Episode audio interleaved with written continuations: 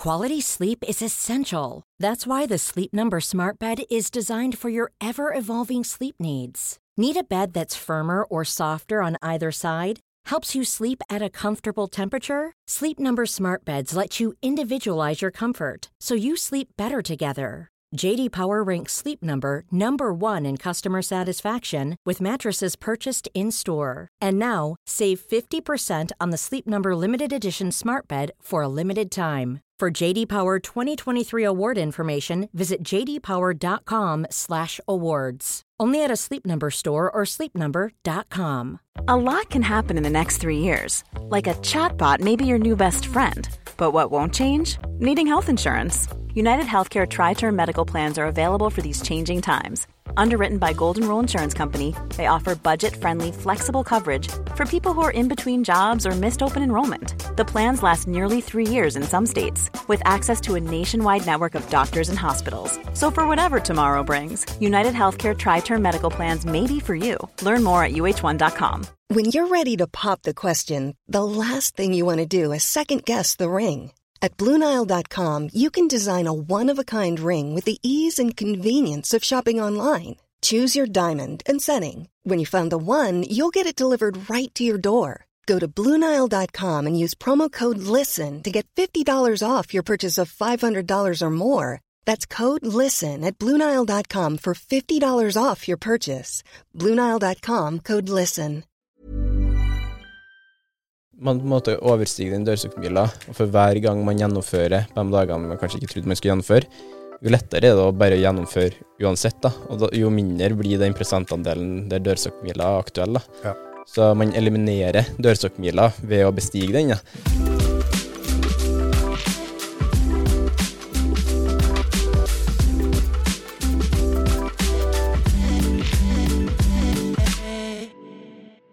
Velkommen til treningsprat med meg, Anders Muren, og Thomas Brun, min kjære makker. Hello, hello. Vi to skal prate veldig masse om trening framover, og som dere kanskje ser på tittelen, så er trening skrevet med en veldig sånn fin æ. I hvert fall syns jeg som trønder det. Jeg vet ikke hva Thomas syns. Ja, nydelig. Ja, så bra. Ja. Derfor æ skal på en måte være representert i den podkasten her, da. Og så skal det gjerne handle om trening, enten i form av en eh, idrett, en treningsperson, en, et individ, rett og slett, eh, eller historier generelt, da. Det, det er trening som står i fokus, og vi har lyst til å videreformidle historier, og ikke minst inspirere andre til å komme i gang med trening. Gleden rundt det å ha en aktiv livsstil. Ja, ikke minst. Ikke Mm. minst. Og så det, det som er litt sånn fint med trening, det er at det er så individuelt, da. Mm. Eh, så klart, man kan være best i det man holder på med. Man kan være på toppen av verden i, i triatlon. Man kan jo være en uh, løper som syns det er veldig gøy å løpe en femkilometer. og for den er det en seier å komme under 60 minutter på femkilometer. Det er det som er så fint med trening. Det er så individuelt, og det er det vi vil prøve å sette fokus på her i den podkasten her, da. Absolutt. Bra fortalt. Bra oppsagt. eh, opp, oppsummert.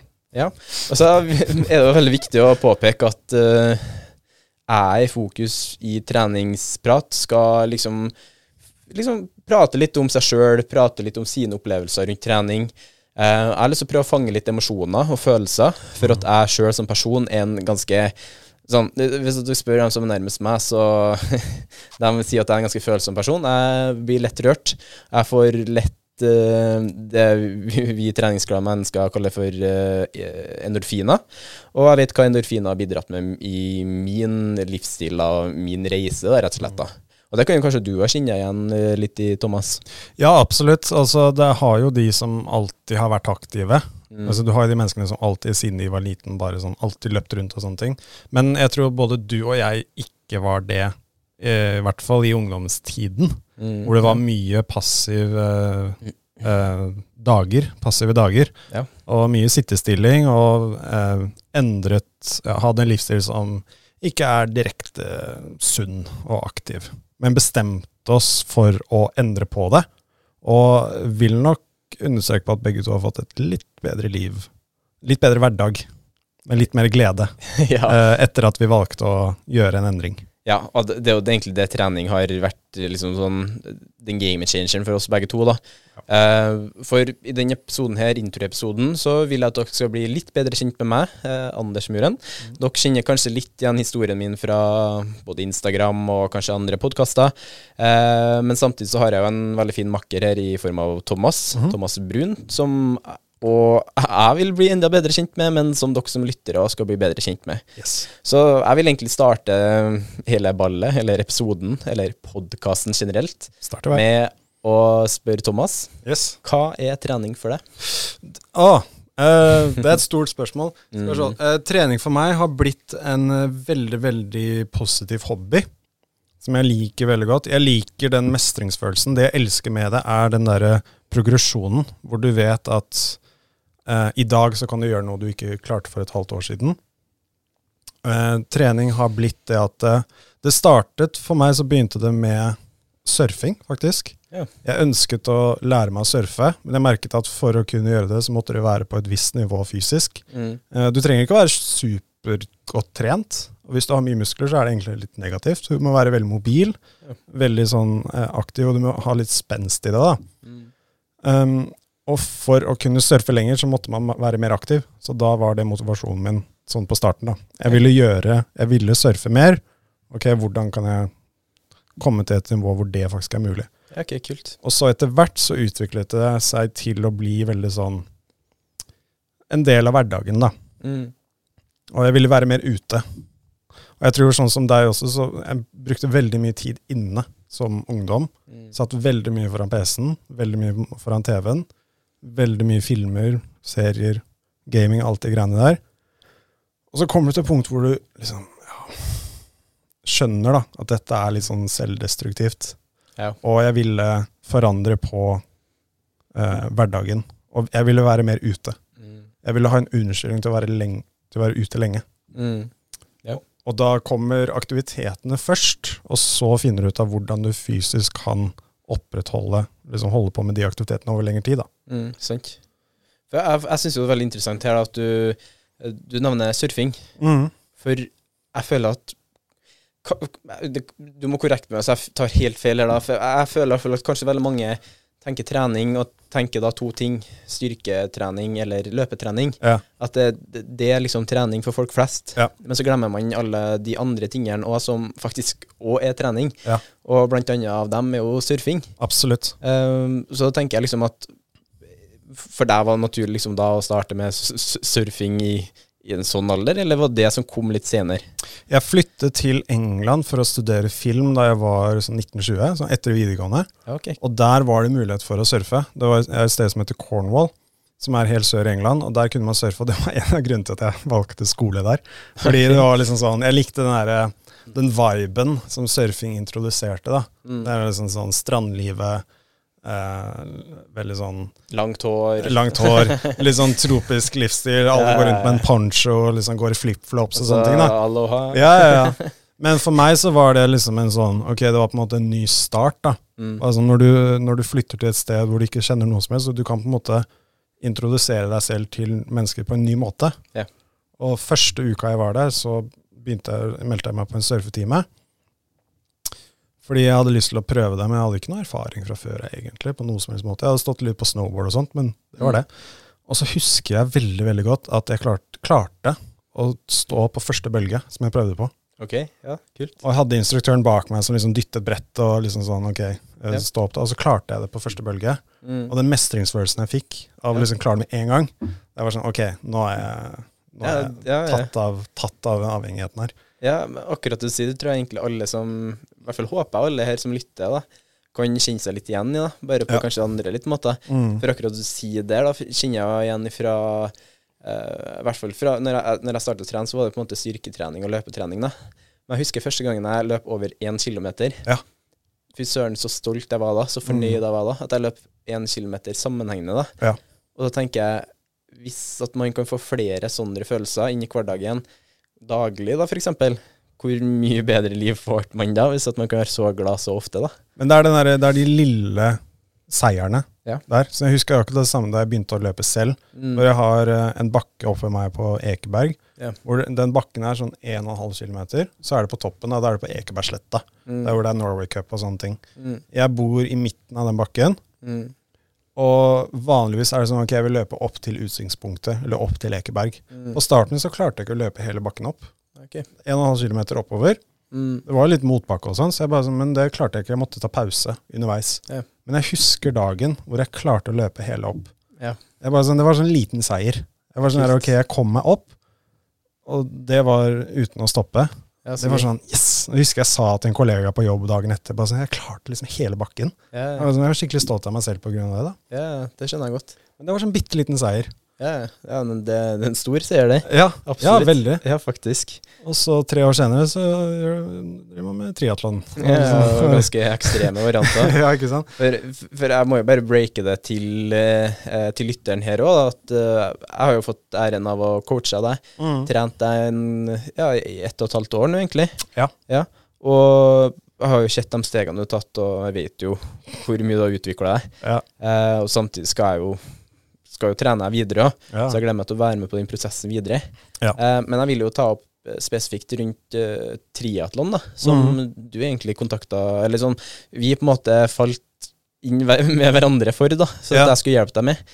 Så det- sånn triatlon som treningsform, da, hva, hvorfor var det liksom det som skulle være din type treningsform? Du, det skjedde under pandemien, og jeg tror jeg begynte jo på en måte en ny hobby som alle andre under pandemien, og det var på en måte min, da, så jeg begynte å løpe en del, fordi Mm. treningssentrene var stengt. Mm. Eh, Du kunne ikke de gruppetimene og sånne ting som jeg pleide å være med på før, da, på Sats, det var liksom ingenting av det var mulig å, å gjøre noe med. Mm. Og igjen så var liksom målet mitt at jeg liksom, vet du hva, jeg har lyst til å være ute mer, rett og slett. Jeg har Ja. lyst til å ta lange Jeg hadde begynt å jogge litt mer, og klarte liksom å jogge en mil under timen og sånne ting, og det ble liksom, var motiverende, da. Så tenkte jeg sånn, ok, hva hvis vi putter dette i strukt, litt strukturert, da. Og så hadde jeg jobba en del også, så jeg ville på en måte jobbe mindre, men jeg trengte noe annet å, å gjøre da istedenfor. Jeg trengte liksom ikke bare sånn, ok, bare en hel hvor dag har ingenting å gjøre. Det like, likte jeg ikke så godt. Jeg ville liksom ha noe sånn konkret å gjøre. Mm. Jeg likte litt å svømme pga. surfing, Mm. Og løping var også noe jeg liksom ville fokusere litt mer på. Ja. Sykling var jeg helt amatør på. Jeg hadde ikke tatt meg en sykkeltur før. Jeg hadde sykla til og fra jobb og sånne ting, men det var egentlig Mm. det. Ja. Og da var jeg sånn, ok, men hvis jeg melder meg på et triatlon, da, så jeg måtte google hva faktisk var for noe. Altså, hva, hva er det for noe? For jeg, jeg hadde hørt ordet Ironman før. Ja. Jeg hadde hørt ordet Norseman før, Mm. men jeg ante ikke hva det var. Nei. På noen som helst måte. Jeg hadde absolutt null erfaring med det. Mm. Og så googla jeg, så fant jeg fram til Oslo Triatlon. Mm. Dette var i februar i fjor, og så meldte jeg meg på det. Ja. Og for meg så var de distansene, det var olympiske distanser, så var 1,5 km svømming. Jeg hadde, aldri, jeg hadde aldri i livet mitt svømt mer enn 1 km noen gang. Så 1,5 km for meg, det, det var langt. Mm. Og det er langt. Ja, det er Det var sånn, ok, det var første barriere. 40 km sykling. Jeg hadde null referanse til hvor langt det var. Mm. Jeg ante ikke. Sånn, hvor, hvor, hvor, liksom, hva betyr det? Liksom, hva betyr 40 km sykling? Sånn, er det tøft, eller er det ikke tøft? Er det tungt eller ikke tungt? Jeg aner ikke. Ja. Og så var det én mil løping til slutt. Og det hadde jeg en referanse på. Ok, det tar jeg på ca. en time, kanskje. Ja. Vi får se, jeg aner ikke. Mm. Og så meldte jeg meg på det. Og et par uker etter det, etter å ha sett liksom bare masse YouTube-videoer og prøvd å liksom, dette skal jeg bare finne ut av selv, så kom jeg i kontakt med Strongbody, Mm. som er det selskapet du jobber for, Yep. som trengte en fotograf en gang iblant. Mm. Og det sa jeg altså selvfølgelig ja til, for jeg kjente jo Gunnar liksom, Jeg har sett på Instagrammen hans og lært veldig mye av spørrerundene han, eh, han hadde der og sånt. Mm. Og da spurte de ja, hvor mye skal du ha for det, eller hva skal du ha for det, og sånne ting. Men så sa jeg sånn, hvis dere har en coach som driver med triatlon, Mhm. så hadde det vært interessant å, å ta, gjort en handel på det, da. Ja. Og det var deg. Ja, det, da dukka det bort meg. meg. Og eh, i mars da, så begynte vi på Mm. liksom, programmet vårt, da. Ja. Mars 2021. Ja. ja. Ja, Det er ganske utrolig hvor fort tida har gått egentlig siden da. Jeg husker jo jeg husker når du først tok kontakt der og sa Oslo Triatlon, for jeg husker bare noen dager før du snakka om det, at vi tok, kom i kontakt, så hadde jo jeg sjøl meldt meg på Oslo Triatlon. Så da jeg syns det var veldig spesielt at ja, det blir kult, vi skal jobbe oss mot samme mål. Og Ja, ja. ja, den, den, måte, den treningsreisen blir veldig interessant, da. Mm. Og den ble jo enda mer spesiell på en måte når eh, vi møttes i, i løypa òg. ja. Og både på syklinga og liksom vinka til hverandre og pusha hverandre der. Og, eh, og så på løpinga, der jeg kunne liksom bare gi en klapp på, klapp på ryggen og Ja, kom igjen, siste nå, liksom. Ja. Og det Ja, nei, siden da har vi jo egentlig bare uh, tatt eh, nye mål og nye steg. Uh, og jeg vil jo si på mange måter var jo på en måte Ironman i Mallorca. Mm. var jo på en måte neste etter Oslo 3. Ja. Uh, og den reisen fram til Ironman Mallorca var jo veldig kul òg, da. Ja, ja. For det er en ganske sånn Det er en veldig kul tittel, og kan kalle seg sjøl for en Ironman, da. ja, ja, absolutt. Og i Mallorca gjorde det jo kjempebra, liksom, i hvert fall til å være så ny, da. Mm. Og så etter det igjen, da. Du kan få fortelle mer om det sjøl, men da har du gjort en eh, ganske sånn ekstrem variant, da. ja. Eh, vil du fortelle litt om den, eller? Ja, altså liksom Den eh, korte versjonen av dette her er at vi, altså Foto.nos, selskapet jeg jobber for, sponser Allan Hovda, som er en Mm. profesjonell eh, triatlet som har gjort, Mm. er mye, vært veldig veldig flink og gjort, eh, vunnet Norseman et par ganger. Ja. Vi filmet litt med han, og ble invitert derfor til å bli med på Norseman for å filme der. Ja. Og dette var i fjor. Ja. Så en uke før Norseman skjedde i fjor, så ble jeg ringt opp og spurt om jeg lyst til å være med og filme på Norseman. Mm. Det, du sier jo ikke nei til det. Det må du bare si ja til. Og på grunn av det så var en av liksom, eh, tingene som vi fikk, var mulighet til å være med på et triatlon som, eh, som er en del av X, eh, X3 World Tour. Ja, det, det er ganske ekstreme triatlon, Ja. veldig lange distanser, kan vi Så si. det er fulle Ironman-distanser, men i ekstreme forhold. Mm. F.eks. hvor du uh, har veldig mye høydemeter på sykkelen, veldig mye høydemeter på løpingen. Du avslutter på toppen av et fjell. Du, liksom, du løper i enten ekstreme varmeforhold, kalde forhold. Det er alt Mm. mulig rart. da. Så dette er rundt over hele verden. Det er triatloner, ekstreme triatloner som har liksom blitt en del av denne organisasjonen som Norseman er en del av. Ja, også distansene, bare sånn for å lytteren forstår at det kanskje er litt Vi, vi, vi snakker jo da En full Ironman-distanse er 3,8 km svømming. Mm. Og så er det 180 km sykling. Ja. Og så er det et fullt maraton etter det. Ja, 42,2 42,2 Ja. km. Ja. og da er det sånn vanligvis sånn som på eh, Du har jo eh, Swissman, som er i Sveits. Eh, du har Canada-mann, som er i Canada. Og så har du Norseman, som er i Norge. Mm. De siste ti kilometerne er liksom bare rett opp. Mm. Det er sånn over 1000 høydemeter nesten, ikke sant. Så du har ja, Det er veldig, veldig ekstreme utfordringer, da. Ja. Men så kom muligheten, da, hvor Foto.no og vi hadde møte med Norseman, hvor de sa sånn Hvis dere vil ha en plass på et av disse triatlonene rundt om i verden, så kan dere få det. Da, da fikser vi det. Og da endte du opp i Canada. Canada. Så jeg gikk nedover lista, og så tenkte jeg sånn Canada har jeg aldri vært. Der har jeg aldri vært. Ja, der, der skal du kjøre en Hvis, ekstrem hvis jeg kan få dratt dit, så drar jeg gjerne dit. De bare OK, det fikser vi. Ja. Og så så jeg på løypa, Ja, så så vi og så så jeg på hvor tøft dette faktisk kan være. Ja. Um, og da var det sånn OK, shit, dette må vi faktisk begynne å trene veldig spesifikt mot. da. Ja. Fordi der var det litt sånn som på, der på Norseman. De siste ti kilometerne var sånn 700-800 høydemeter, da, hvor du Mm. skulle klatre, mer eller mindre klatre opp et fjell. Ja. Du, du springer ikke rekordfart opp det, liksom. Nei, du gjør ikke det. Um, så det var, dette var i fjor høst, hvor jeg fikk beskjed om dette. da. I desember i fjor så fikk jeg liksom billetten min da, Ja. til Canada. Ja. Uh, og det var en sånn Vanligvis det, det smarte å gjøre her er å gradvis bygge seg opp. Mm. Liksom eh, Gå opp distansene.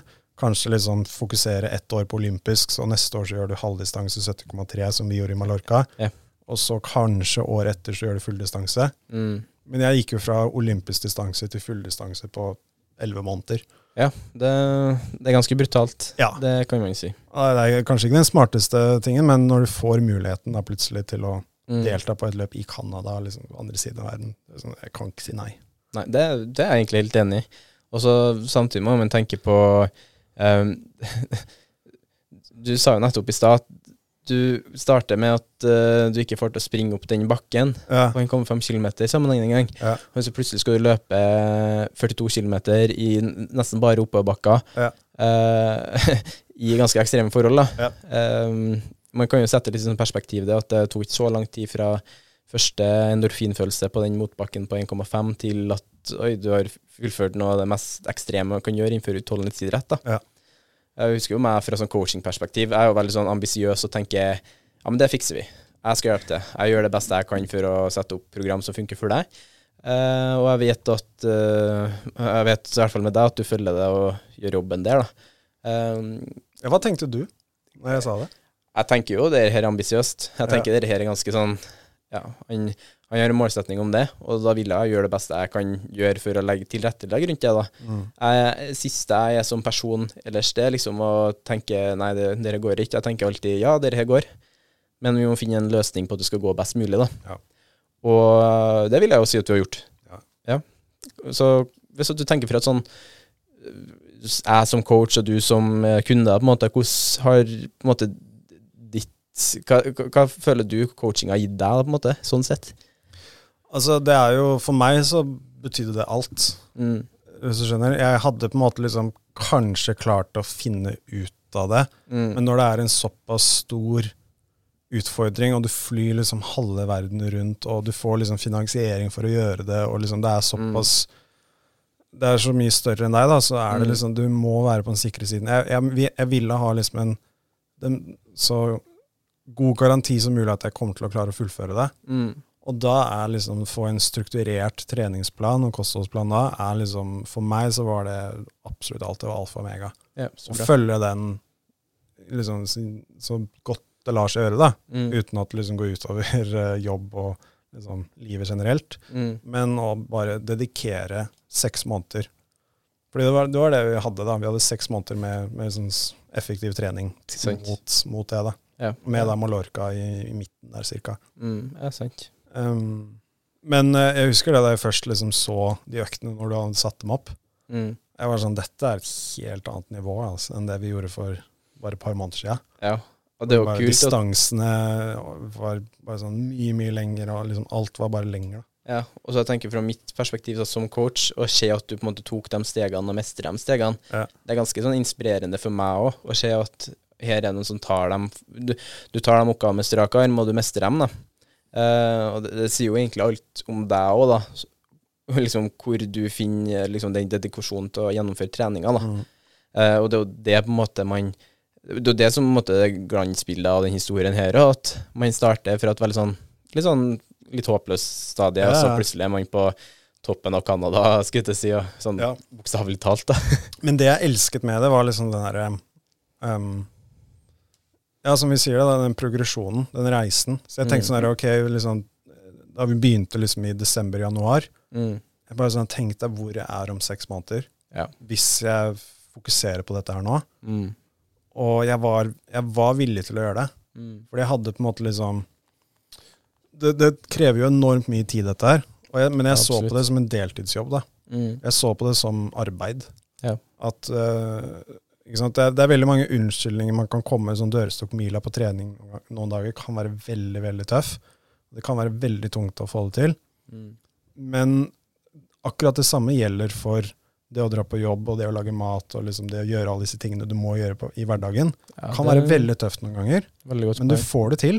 Mm. Altså Du pus- pusser tennene dine på kvelden selv om du egentlig ikke har lyst. Ja, alltid. Ja. Du har bare lyst til å gå rett i seng, men Mm. nei, jeg må pusse tennene først. Mm. Du får alle disse tingene til. Jeg bare appellerte liksom den samme tankegangen at dette må du gjøre. Mm. Du må komme deg opp, du må komme deg ut, du må gjøre dette her. De dagene du ikke har lyst. Og jeg tenker sånn her, jeg ga meg selv også måte, en, en gevinst hver økt hvor, som, som jeg ikke hadde lyst til å gjøre. Mm. Så hvis jeg klarer hele økta nå, så skal jeg liksom gi meg selv en belønning, da, hvis du skjønner. ja, så bra. Liksom et eller annet sånn ma god mat, eller ja. liksom belønne meg selv på en eller annen måte. Ja, ja. Og tenk liksom eh, Tenk på hvor bra du kommer til å føle deg når du faktisk har gjort økten. Mm. ja Jeg fikk veldig dårlig samvittighet hver gang jeg ikke fikk en økt. Fikk inn en økt. Ja. Men de gangene jeg klarte å få en økt når jeg ikke hadde lyst eller ikke hadde tid, eller mm. en eller annen grunn jeg ikke hadde mulighet til å gjøre det, da, men jeg Mm. fikk gjort det allikevel, det var liksom de beste øktene. Alltid. Ja, Det forstår jeg godt. De vanskeligste å få til var liksom de beste. Ja, det kjenner meg veldig godt igjen i det, egentlig. Det, ja. Fordi man, kan jo tro at liksom, ok, når Sier du også for eksempel at du alltid har lyst til å gå ut og trene, men det er jo ikke sånn. Nei, det er Jeg finner veldig mye glede og frihet i trening. Men eh, det er som du sier, den dørstokkmila kan være litt mer brutal andre dager. Men samtidig så har man den innstillinga rundt at man, man vet liksom at det, det, det må til òg, da. Mm. Og da Jeg vet ikke Når man liksom gjør det for hver gang man på en måte overstiger den dørstokkmila, og for hver gang man gjennomfører på de dagene man kanskje ikke trodde man skulle gjennomføre, jo lettere er det å bare gjennomføre uansett. da, og da, Jo mindre blir den prosentandelen der dørstokkmila er aktuell. da. Ja. Så man eliminerer dørstokkmila ved å bestige den. Ja. Så det, jeg tror det er veldig viktig det du sier der, da, å liksom ha den lille belønninga for man og etterkant. etterkant. Uh, man får jo på en måte en belønning i form av bedre helse, uh, Ja, bedre ja. følelse og alt sånt der, men. Bare ha en annen form for belønning etterpå. Klappe seg sjøl på skuldra og tenke 'yes, jeg fiksa det', liksom. Mm. Mm. Og ja, skryte av deg selv. Være stolt av deg selv er veldig viktig. Ja, det- ja, det er faktisk viktig. Og sånn, vi, vi ikke nødvendigvis legge ut noe på Instagram eller noe sånt, men, men faktisk gi seg sjøl den klappa på skuldra og tenke 'jeg fiksa det', da. Og være litt sånn Være litt sånn samtidig ydmyk, men samtidig være sånn stolt og tenke 'jeg fiksa det'. det jeg, jeg tror det er kanskje et punkt til skjærelse for mange. At man tenker alltid at man sam sammenligner seg kanskje med andre som får til tre økter på én dag. Mm. Men så, samtidig så tenker man over at den personen sin hverdag tillater at det er tre økter om dagen, mens din hverdag tillater en økt, og kanskje ikke det engang, da. Så jeg tror man må se seg sjøl, se sin egen hverdag, og ikke minst se hva man har liksom, mulighet til å få til. da. Ja, ja, absolutt.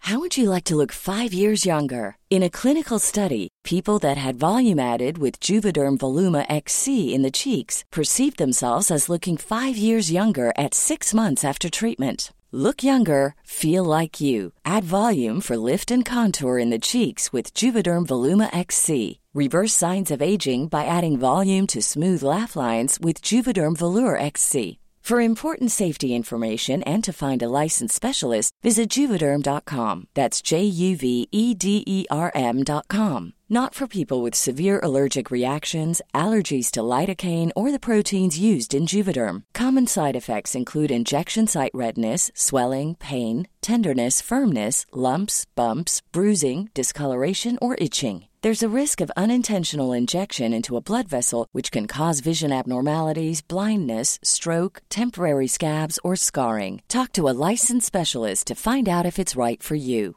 I'm Sandra, and I'm just the professional your small business was looking for. But you didn't hire me because you didn't use LinkedIn jobs. LinkedIn has professionals you can't find anywhere else, including those who aren't actively looking for a new job but might be open to the perfect role, like me.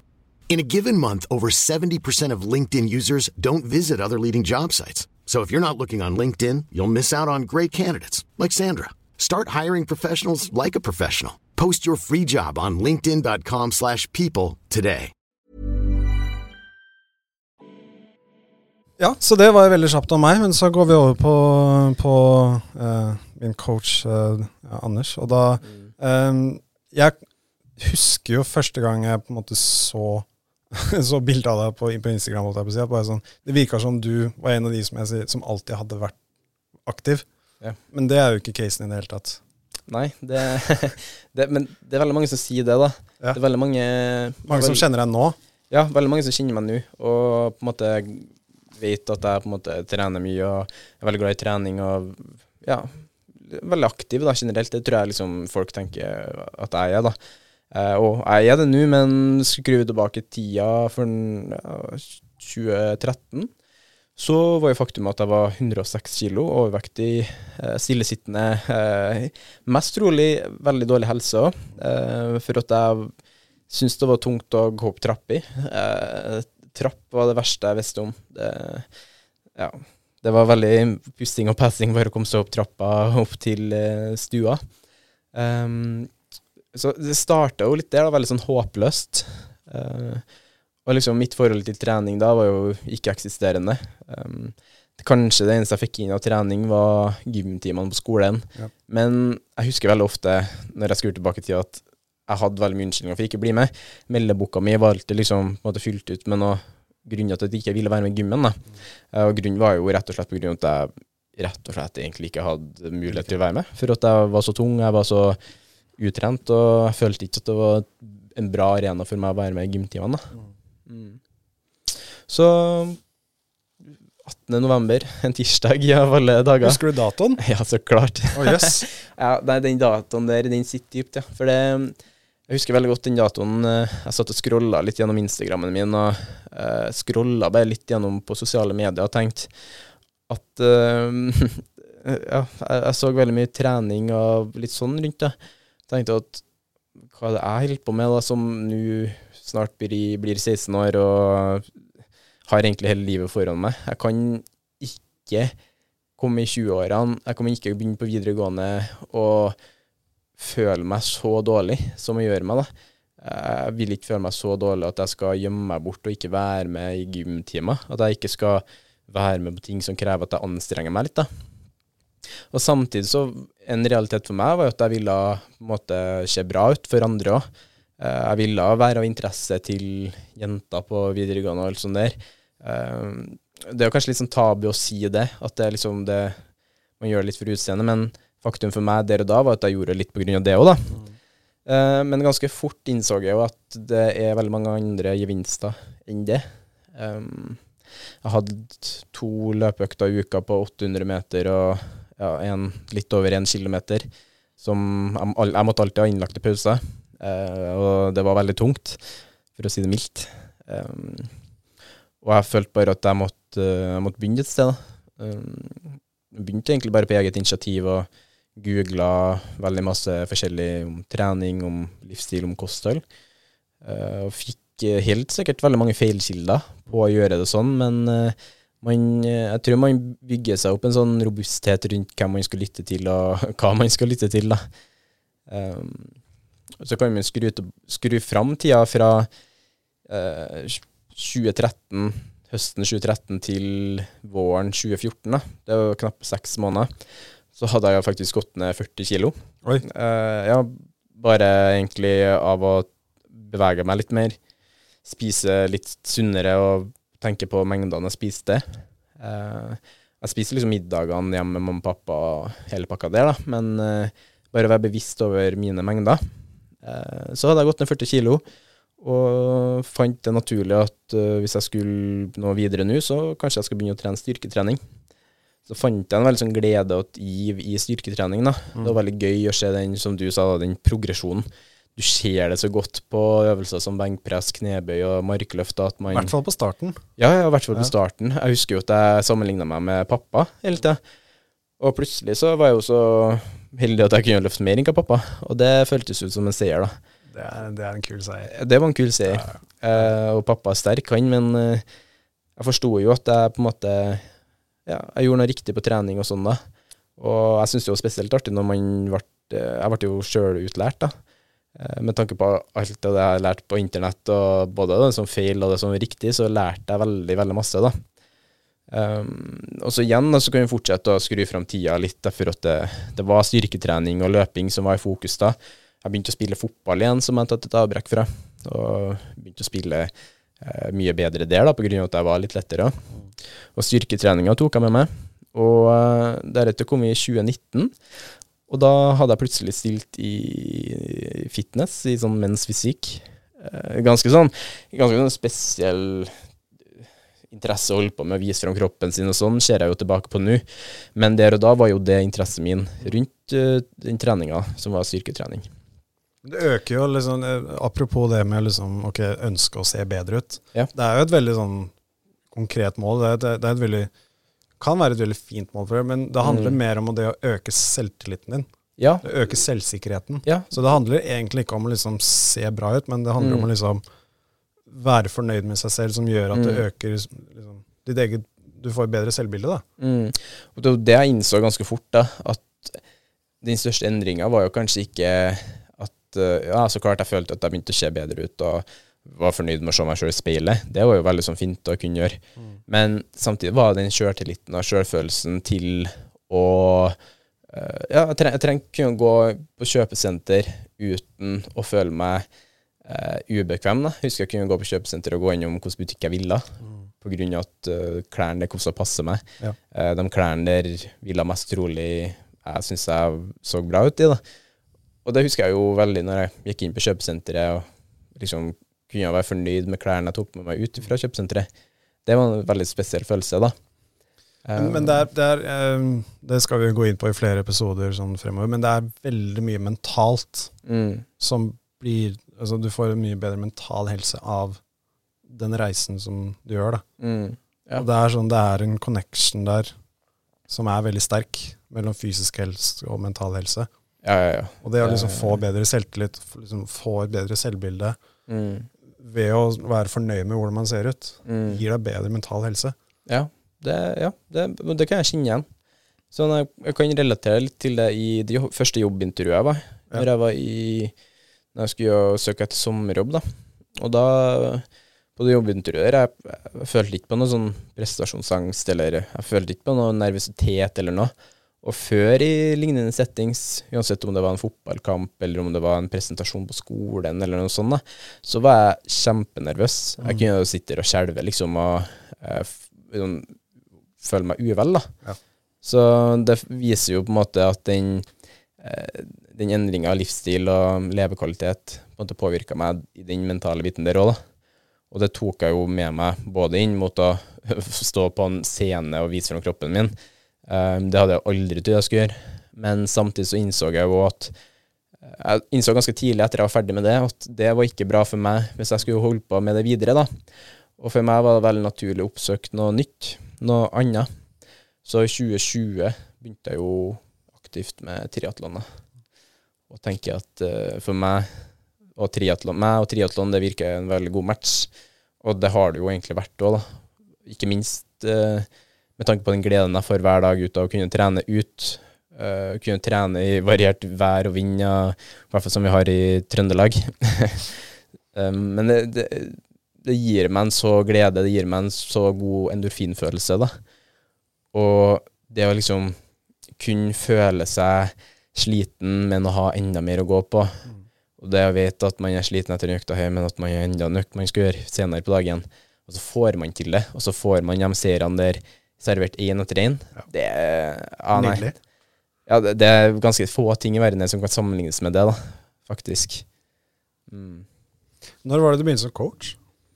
Eh, I sånn I Strongbody begynte jeg mai 2019, men i høsten Ja, i august 2016, når jeg ble ferdig med videregående, så starta jeg en egen nettside som heter, heter for Murens livsstil. Mm. Den er ikke aktiv nå, eh, det er ferdig med den. Men eh, da begynte jeg å skrive blogginnlegg. Eh, Jeg skrev litt om mine, mine erfaringer med litt, litt forskjellig, da, sammen med en sunn, sunnere livsstil. da. Og i sam, samkjøring med det så begynte jeg å tilby ja, hjelpe andre folk med trening og kosthold. Og det var jo noen som tok kontakter, og flere som ville ha hjelp og spurte om tips og triks. og Jeg husker jo veldig godt mine første kunder fra da, dem, den som var aller først der. Mm. Eh, så har jeg holdt på siden, siden 2016 nå, og ja, faktisk holdt på i seks år eh, cirka nå. Ja. Mm. Du finner mye glede i det, merker jeg. Coachinga. Ja. Ja, ja, ja. Det, det å kunne høre historiene til alle dem jeg jobber med, og alle de forskjellige historiene. Alt det som forskjellig som skjer i ukesrapportene, alt det forskjellige som de oppnår på trening, og vil oppnå på trening, det på en måte gir Det er sånn, det er kanskje litt spesielt å si, men jeg ser meg sjøl i alle sine historier, da, uansett hva det er. Og det syns jeg er veldig sånn en unik ting jeg som person har, da. At jeg kan på et eller annet vis kjenne meg igjen i den målsettinga til den personen, og den målsettinga til den andre personen. At på en eller annen vis kan jeg liksom sette meg inn i deres situasjon og tenke her har jeg jo faktisk vært sjøl, og vil, kan bidra med noe fra min egen side, fra personlig erfaring. da. Eh, og det er jo derfor det, så jeg har en sånn sterk tilknytning til det òg, tror jeg. Derfor det har jeg kommet fram til. Og det å se dem lykkes, vet jeg hvilke følelser man får ut av det og vite sjøl at jeg er en av grunnene til at de har kanskje gjort det enda lettere for dem å lykkes, gir jo meg en veldig sånn god ja, det gir meg en veldig god følelse, da. Og ikke minst er det enda bedre følelse å kunne dele det med dem, da. Mm. Det tror jeg på. Ja, det er ganske rått. Det, Det, det, det er jo litt det som er målet med den podkasten her også. Det er å på en Mm. måte prøve å inspirere og få folk til å se gleden i en mer aktiv uh, hverdag. Ja, og så det er jo litt sånn Jeg håper jo veldig mange av lytterne her er uh, coaching-klienter av meg, da. uh, at de hører på det her og kjenner seg igjen i ting vi snakker om når det kommer til trening, de følelsene vi snakker om når det kommer til trening. Uansett om man trening for dem eh, i hermetegn bare er å samle hverdagsaktivitet og skritt, da. For det er faktisk trening, det òg. At man kan sette trening i sin egen bås, og forstå at trening det er så, det er så individuelt, da. Men at man kan fortsatt ha så sykt gode følelser med, forbundet med trening, da. Det er det vi vil oppnå her, og håper folk sitter igjen med. Ja, ja, absolutt. Og det er det som vi kommer til å utforske litt fremover. Det å finne forskjellige aktiviteter som Mm. man ikke tenker nødvendigvis er trening, men som er det, da. Mm. Uh, så vi skal prøve å teste litt forskjellige aktiviteter fremover, som, Mm. uh, bare for å finne gleden i det, da. Ja. En av de er liksom, ja, surfing, eksempel, eller Mm. vi snakket om frisbee-golf, vi snakker om ja. paddle, vi snakker om liksom alle de forskjellige aktivitetene man kan gjøre, da. Mm. Som, hvis du er det, hvis du er en de som ikke liker treningsstudio eller å jogge, Mm. som er på en måte de to man tenker på generelt. Det er litt sånn overordna, på en måte, føler jeg. sånn, Man Ja. tenker det, men det er så mye annet, det. Men uh, det, jeg, jeg snakket med noen som bare sa nei, jeg hater å jogge. Jeg sa ok, men du spiller jo fotball. Yeah. Jeg elsker å spille fotball. Yeah, yeah. Det er jo Er ikke det jogging? ja, det er Det er- beste intervalløkten du kan ha. ja, ja, Det er å ja. fotball. Du tenker ikke over det, men plutselig så hvis du teller skrittene på en fotballkamp, så er det 20 000 skritt nesten. Ja, altså, hvis, du, hvis du tenker på det, at lang, mange kanskje tenker at en typisk fire ganger fire intervall på tredemølle tar kjempelang tid, Ja. men hvor fort går den håndballøkta eller fotballøkta, da? Det er jo innebygd intervalltrening i det, da. Så tror jeg liksom det, det aller viktigste vi gjør her, er jo på en måte å utforske det som for andre er en sosial setting og i trening, da. Ja. For det er jo på en måte noe man jo kan kjenne seg igjen i. da. Og så kan vi egentlig allerede nå avsløre da, at de første to episodene etter her nå da, blir jo litt om triatlon. Ja. Men vi føler at det er veldig naturlig start for oss å begynne med, pga. vår forhistorie med det og vår kjennskap til miljøet. Våre eh, høye mål fremover. Ja, og våre høye mål fremover. Mm, Som vi kommer tilbake til. Ja, det, jeg gleder meg til å snakke om det. mm, Jeg grugleder meg til det. ja. Men ja, det blir triatlonfokus eh, først, og så etter hvert så skal vi liksom gå inn på litt andre aktiviteter. ja, Vi snakker om to episoder først nå som kommer triatlonfokus. Ja. Men uh, vår første gjest i den første episoden som kommer etter episoden her, altså episode to, da, for å si det Mm, enkelt, eh, kan jo allerede avsløre en eh, ekstremt, eh, ekstremt motiverende og inspirerende mann.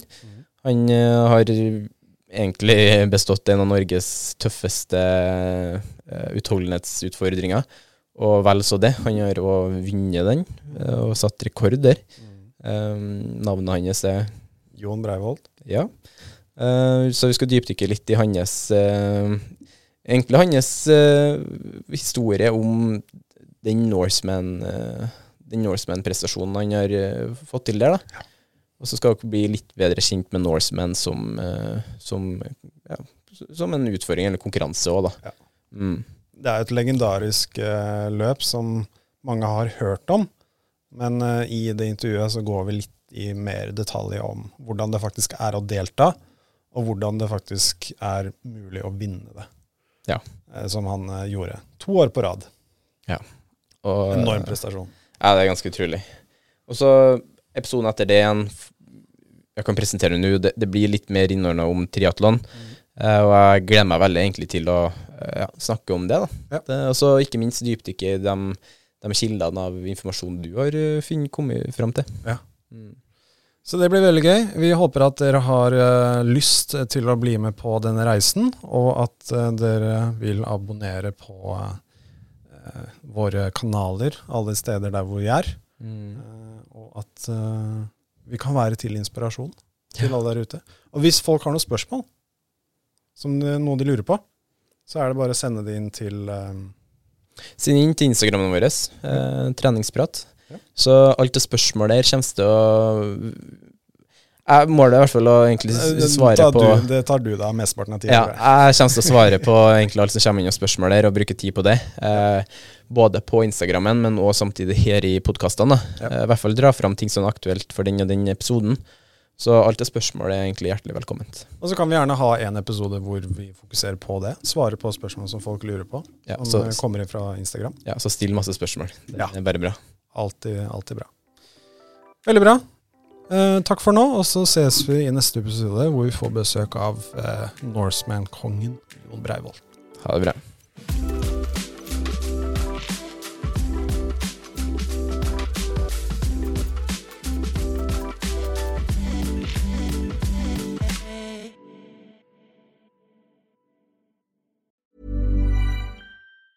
Ever catch yourself eating the same flavorless dinner three days in a row?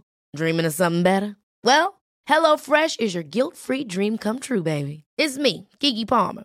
Let's wake up those taste buds with hot, juicy pecan crusted chicken or garlic butter shrimp scampi. Mm. Hello Fresh. Stop dreaming of all the delicious possibilities and dig in at HelloFresh.com. Let's get this dinner party started. Even when we're on a budget, we still deserve nice things. Quince is a place to scoop up stunning high-end goods for 50 to 80% less than similar brands. They have buttery soft cashmere sweaters starting at $50, luxurious Italian leather bags, and so much more. Plus, Quince only works with factories that use safe, ethical, and responsible manufacturing. Get the high-end goods you'll love without the high price tag with Quince.